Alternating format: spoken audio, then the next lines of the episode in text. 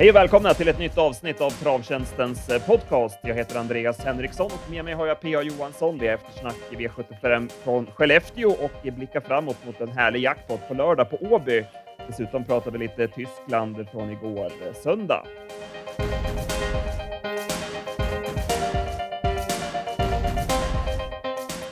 Ja, PA, vi börjar direkt med V75 från Skellefteå och eh, det blev favoritfall i V751 där Bravo Navarone blev alldeles för ivrig bakom bilen och galopperade.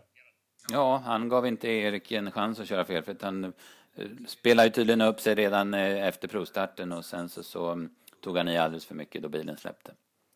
Såg fin ut i övrigt och kommer säkert igen. Ja, men absolut. Han såg ju jättebra ut. Så det, så det var nog ingen fara med formen så då, utan det, det, var, det var något som inte passade riktigt den här eftermiddagen. Det var ju två hästars lopp på pappret och nu blev det Victory Bonsai som vann loppet, men han fick ändå göra skäl för havren. Han fick kämpa på rejält. Det var 11,5 första varvet och fick lite svar i, i spetskörningen. Ja, men precis. Han, eh, Per Linderoth ville ju tävla då, så han gick ju ut från ryggledaren för att kanske få överta och sen så, så, så kanske släppa eller hur han hade tänkt, jag vet inte. Men, så det vart ju körning i ja, 200-300 meter till då. Sen. Och då drog ju Linderoth drog ju Svarte Petter sen då och fick dödens. Men eh, jag tyckte ändå det var, det var uppfriskande att han gjorde ett försök. Ja, för han vet ju att eh, Hanna släpper ju till eh, Victor Bonsai. Så värt att ta chansen också och prova om han själv kunde få överta det. Mm, precis, och Liberty Face gjorde ett bra lopp också, så den tycker jag att vi passar framöver. Men Victor Bonsai är ju en, en kvalitetshäst som han gick undan även om man var trött och, och sådär. Så han, han visar skalle och, och, och bra kapacitet.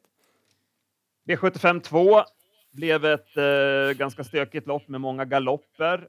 Och här vann vår poddvinnare från förra veckan. Vi hade ju ett speltips till V75 i podden förra veckan och det var Ubergs Opsi som kollega Mattias Spante drog fram och till 3% av insatserna och 22 gånger pengarna så städade hon av dem över upploppet. Mm, precis, det kändes ju rätt skönt att få lill-revansch alla, alla, efter första då där vi hade spikat Bravo Navarone. Så det, det, var en bra vinnare och hon var också jäkligt bra. Hon hade norsken sparat och, och behöver absolut inte be om ursäkt för segern. Så att den, det var en välgrundad vinnare. Melby Don Juan höll upp ledningen men rullade över i galopp efter 400 meter. X-Factor galopperade upprepat va? Ja, den såg inte som bäst ut och han fick inte det att stämma. Och Melby Don Juan, det var lite Going Kronos eh, där han fällde fram öronen och började rulla och ja, han var inte så fokuserad på att springa längre då efter 400 meter. Så att det, galoppen kom som ett brev på posten. En annan Going Kronos eh, son som inte funkade var Melby Charmören som övertog ledningen, men han var bara dålig sen. Mm, han brukar ju vara stark, men det var han inte den här gången.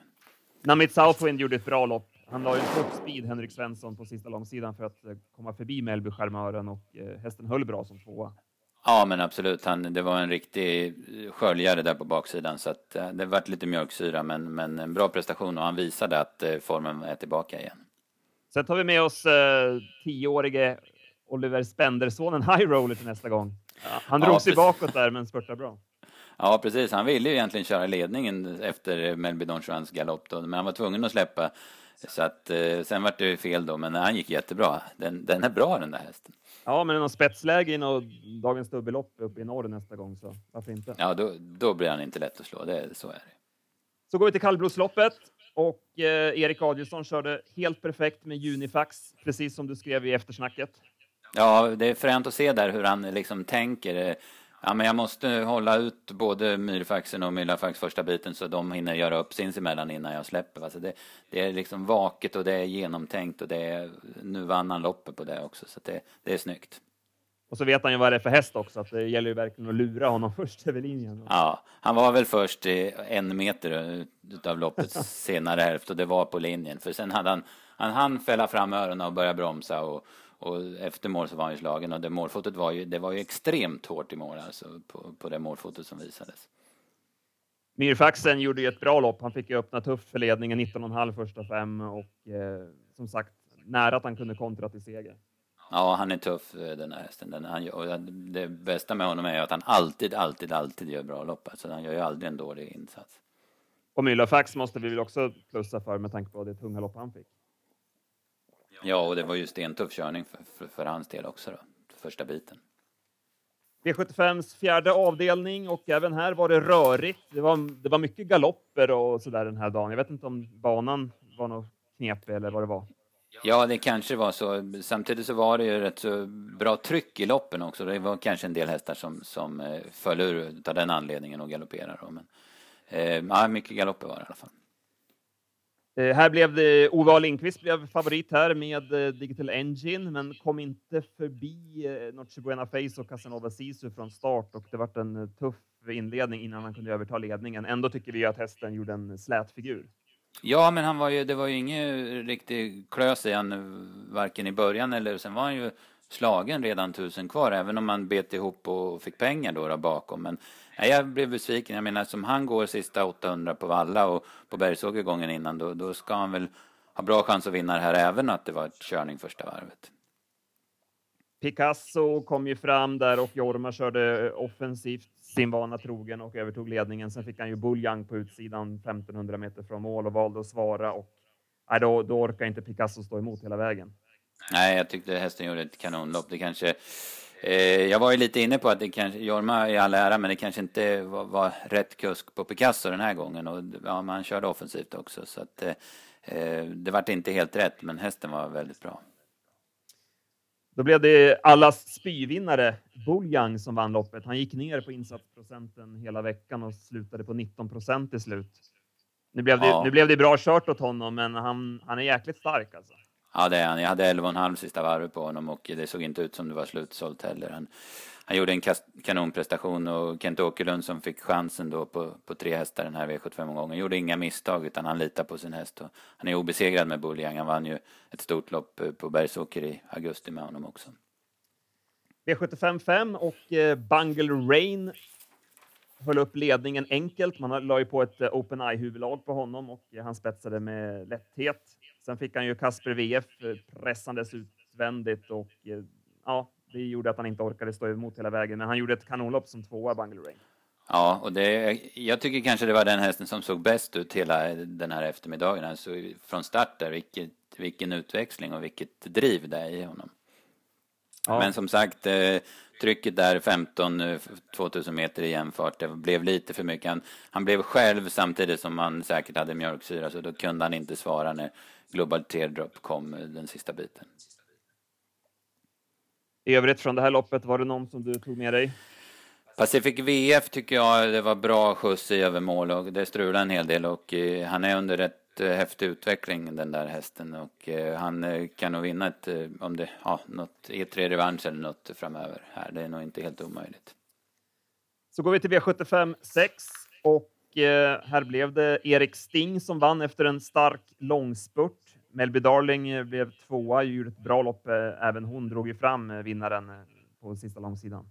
Mm. Eh, Erik Sting var ju svårbedömd eh, strykning och eh, hade varit ifrån lite grann, men han visade vilken, eh, vilken jäkla bra häst det är. Jag, jag, vet i somras när jag pratade med, med eh, Timo Nurmos inför Sundbyholm då, fyraåringstestet, då sa han att så här så att han är en mycket, mycket bra häst och det är, ja, han har ju lite att jämföra med. Och, och sen så, så har han blivit het ett par gånger då och sen har han varit ifrån. Så han var ju svårbedömd men han visade nu alltså att han är en mycket, mycket bra häst. Ja, verkligen. Eh, däremot Palermo Broline, där har Nurmos lite att fundera över. Det var fjärde raka galoppen bakom bilen. Ja, jättekonstigt beteende. Han bara kastar sig. Han har inte en tanke på att gå fel för heller. Angle of Attack eh, kom till ledningen men fick ge sig till slut. Vad tyckte du om hans prestation? Ja, okej, okay, men han, det märktes att han inte hade startat på en månad tror jag. Sen, var, sen gav han sig ju aldrig. Han var ju slagen 400 kvar, men han var ju inte så långt efter i mål. Så, så rent liksom eh, styrkemässigt eh, var det bra och det var väl lite fart i benen som fattades. Men som du sa, Melby Daring gjorde ju ett kanonlopp. Mm. Sen i avslutningen så galopperade Series Try och eh, det blev X-Factor NO till ledningen, men eh, vann loppet gjorde Höving Star som Mika Fors fick eh, härlig snurr på. Mm, han är vass, Mika Fors. Det måste man uh, ha med sig. Han vann ju ett lopp uh, på v V75 under kriteriesöndagen också, så vann han två nu alltså. Och Hövingstar har ju rugg i form och fick utdelning på det. Det var en väldigt bra prestation av honom också. Om vi sammanfattar då, det blev ju en eh, väldigt svår omgång. Ingen som lyckades pricka sju rätt. Eh, spela nästa gång. Vilka tar du med dig där? Ja, Notre Buena Face tycker jag höll bra och sen var det väl Pacific VF. Eh, och sen så ska man väl kunna, om man ska försöka ta någon lärdom utav, eh, utav de här, utav den här omgången då så är det väl att eh, det var formstarka hästar och, som vann överlag då. Den enda som man inte var säker på formen var ju Erik Sting och sen så var det ny kusk på två av skrällarna. Per Linderoth körde Global Teardrop för första gången och eh, Mika Fors Hövingstad och det är inte att förringa, absolut inte. Nej, just första Linderoth brukar vi ju dra fram som ett stort plus. Mm, Han får härlig snurr på hästarna. Verkligen. Hade du någon som du kände för till nästa gång? Nej, det var ju den high roller vi pratade lite grann om. om man kunde få den med spetsläge nästa gång så mm, mm, varför absolut. inte? Nej. I övrigt från helgen, det var ju Hamburg igår, V64 och eh, Grosser Preis från Deutschland, där vi hade en övertygande vinnare i Cruzado de la Noche. När vi pratar om Linderoth så visade han även här var skåpet ska stå. Hästen var grymt bra som rundade allt från ett snudd på hopplöst läge. Ja, han fick ju ett jättetufft lopp och det var ett, det var ett fränt lopp att se också. Det var körning och det, Eh, var flera som gjorde mycket, mycket bra prestationer. Så att, eh, det var ett bra lopp. Det var, var väldigt uppfriskande med, med mm, V64 i Hamburg tycker jag. Ja, och vi lyckades ju pricka sex rätt där med 53 000 kronor i nettovinst. Så att, eh, hoppas att några kunder tog rygg där. Eh, Eh, däremot, jag, jag jobbade mycket med omgången och ja, det var ingen, det var ingen lek. Man fick, ja, det var jobbat dag och natt med, med omgången. Det var mycket lopp att titta. Och sen måste man ju ge en liten känga till ATG ändå att om man anordnar spel till en sån här omgång så måste man ju ha bättre startlista. Ja, det, var, det var ju vissa lopp som, det var ju något lopp som inte skulle varit med och sen var det några lopp som saknades och så var det fel bana på några stycken. Och sen på de tyska hästarna så stod det bara Tyskland. Ja, det stod ja, inte vilken bana i Tyskland det var. Så man... Och det, det, är ju så viktigt i Tyskland för där är ju, får man ju gå på hemsidornas på hemsidorna för att hitta loppen. Det finns ju inget samlat lopparkiv utan nej, det är för dåligt. Och sen bara en sån där grej som man upptäckte direkt när listorna kom. Köthem Express hade en, en seger på Jarlsberg 24 nionde. Den dagen var han struken på Solvalla så det var ju, ja, men det var ju helt sjukt. Precis. Uh, så att, uh, jag fick ju ta fram listorna, de tyska startlistorna, de stämde ju med banorna. Så att, uh, mm, men att ATG inte kan ha bättre startlistor en sån här gång. Det tycker jag är lite, då nonchalerar man spelarna lite grann tycker jag. Mm, mm. Och där kan man inte skylla på tekniken utan det är bara någon som inte har gjort jobbet helt enkelt. Så att eh, ska de ha fler utländska omgångar så måste de vässa upp lopparkivet så att man ska kunna klicka sig till loppen i på ATG sajt helt enkelt. Absolut. I övrigt eh, eh, från veckan som var, det var ju storlopp i USA. Marion Marauder vann Triple Crown, vann Kentucky Futurity och fortsätter att imponera. Och sen var det också ett världsrekord av Always Be Mickey som sprang 46 blankt, passgångaren som Jimmy Takter har 05,9 alltså. Det, ja. det går undan i loppen där. Ja, det är häftigt och just på i Lexington på Red Mile, den är ju ruggigt snabb. Vi minns ju Giant Diablo världsrekord där och Donato Hanover som gick där, som tangerade samma dag. Så den, det går undan. Om vi blickar framåt då veckan som kommer, som sagt, vi hade ju två stycken speltips i förra veckans podd. Det var Rory Bris som vann på onsdagen och då Ubergs Opsi på lördagen. Vad har vi nu? Vi, vi kollar lite snabbt på V86 Solvalla Jägersro. Tyvärr eh, spelmässigt så har man ju lagt in några, eh, några lopp som, där det är få hästar. Det är två stycken sju hästars lopp, ett med nio hästar. Visst, jag förstår ju att eh, de här namnen drar ju, drar ju spel. Anki-Lasse och eh, Habitat och såna här. Men spelmässigt så känns det lite kallt tycker, tycker vi. Vi vill gärna ha lite större fält med lite grötigare och öppnare lopp.